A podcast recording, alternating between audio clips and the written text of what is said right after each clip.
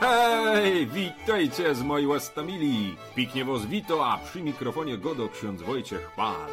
Pytam was piknie, posłuchajcie, z co nam Kościół dzisiaj daje do łozwazynio, a przygrywa nam piknie kapela Eśta ze Sopłetni.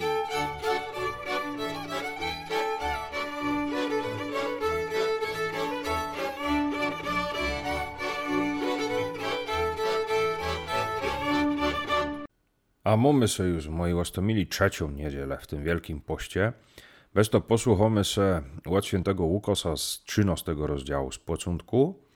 Potem zaś będzie o tym, że pycha usy zamyka. No i na koniec z mojej łozwazania.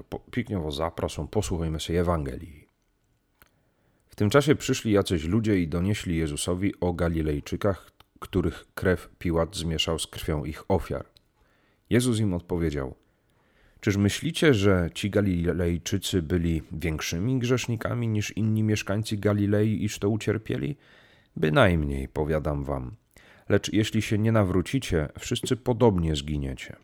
Albo myślicie, że owych osiemnastu, na których zwaliła się wieża w Siloam i zabiła ich, było większymi winowajcami niż inni mieszkańcy Jeruzalem?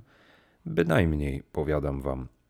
Lecz jeśli się nie nawrócicie, wszyscy tak samo zginiecie. I opowiedział im następującą przypowieść. Pewien człowiek miał zasadzony w swojej winnicy figowiec. Przyszedł i szukał na nim owoców, ale nie znalazł.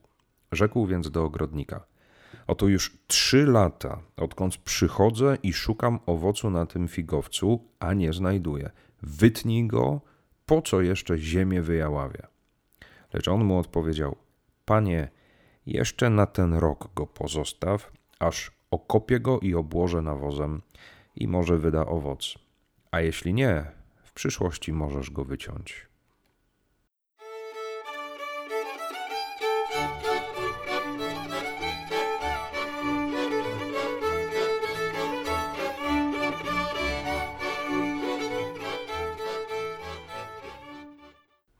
Gotka o tym, że pycha usy zamyka.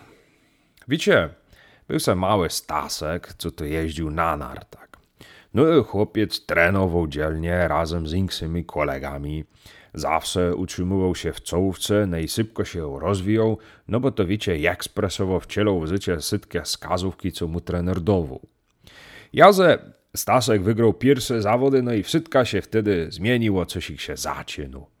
No bo Stasek zaczął zajmować ostatnie miejsca.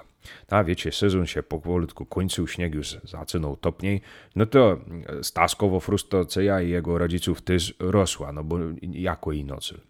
Jazek w końcu zdenerwowany ojciec przyleciał na trening i pozierał na wszystko z boku. Jazek w którymś momencie podleciał zburzony do trenera i krzyczy ku niemu Czemu pan nie daje wskazówek mojemu synowi? Do inkrzyk to pan mówi, co chwilę coś doradza, a mój to co, gorszy jaki? A, widzicie, panuczku, cmoknął trener, stary górol. Nie godą do wasego Staszka, nie bez to, że on jest gorszy ba dokładniuśko bez to, że on jest lepszy. A przynajmniej tako się mu wydaje. E, zresztą, pozierujcie se haw sami, po czym zagwiznął, machnął na Staska, co by podleciał do, ku niemu. Widzicie, dziwnuśko to była scena, bo im bardziej trener godał, tym bardziej dzieciak się burmuszył, wywracał, wywalał łocami, wzdychał, sapał, wykłócający się ze inksa ćwicą gorzej jako on. A im bardziej Stasek lekceważył podpowiedzi trenerowe, tym bardziej Staskowy ojciec się robił czerwony ze wstydu.